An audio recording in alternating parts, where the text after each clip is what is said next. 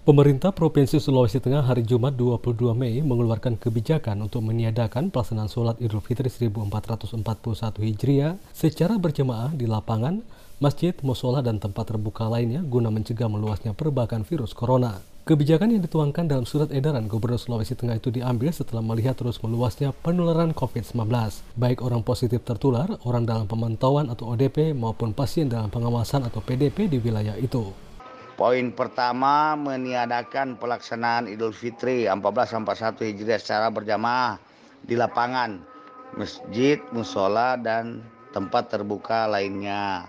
Jelas Haris Kariming, Kepala Biro Humas dan Protokol Pemerintah Provinsi Sulawesi Tengah.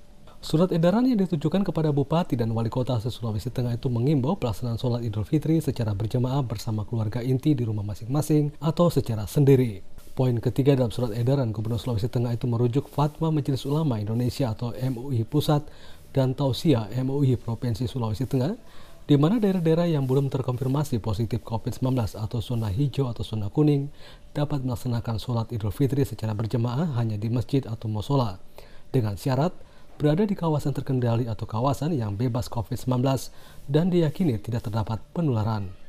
Dengan syarat semua protokol COVID-19 pedoman dari Kementerian Kesehatan Republik Indonesia diterapkan dengan pengawalan anggota TNI dan Polri. Pelaksanaan sholat Idul Fitri baik di masjid maupun di rumah juga diserukan untuk tetap mengikuti protokol kesehatan, antara lain menggunakan masker, menjaga jarak, dan menyiapkan tempat cuci tangan. Dinas Kesehatan Provinsi Sulawesi Tengah menyebutkan bahwa sebagian besar wilayah Sulawesi Tengah berada pada zona merah dan sebagian penularan virus corona sudah bersifat transmisi lokal. Ketua Majelis Ulama Indonesia Kota Palu, Profesor Zainal Abidin berbicara kepada VOA menilai kebijakan itu sangat penting bagi upaya pencegahan dan sekaligus memutus mata rantai penyebaran virus corona di wilayah itu. Apalagi saat ini berdasarkan data pihak berkompeten, Sultan sedang menuju puncak penyebaran wabah virus corona. Olehnya itu dengan antisipasi meniadakan salat Idul Fitri di lapangan, di masjid dan di musala itu adalah salah satu bagian yang positif untuk mencegah penyebaran penularan wabah COVID-19 di masyarakat kita.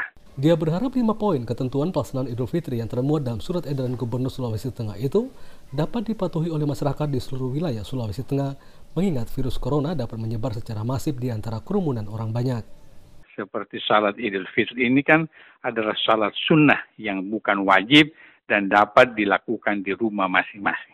Berdasarkan informasi yang dirilis oleh Pusat Data Informasi Bencana atau Pusdatina COVID-19 Sultan per tanggal 22 Mei 2020 menyebutkan jumlah kasus positif corona mencapai 117. Dari jumlah itu, 37 pulih dan 4 meninggal dunia. Dari Palu, Sulawesi Tengah, Yohanes Lita melaporkan untuk VOA, Washington.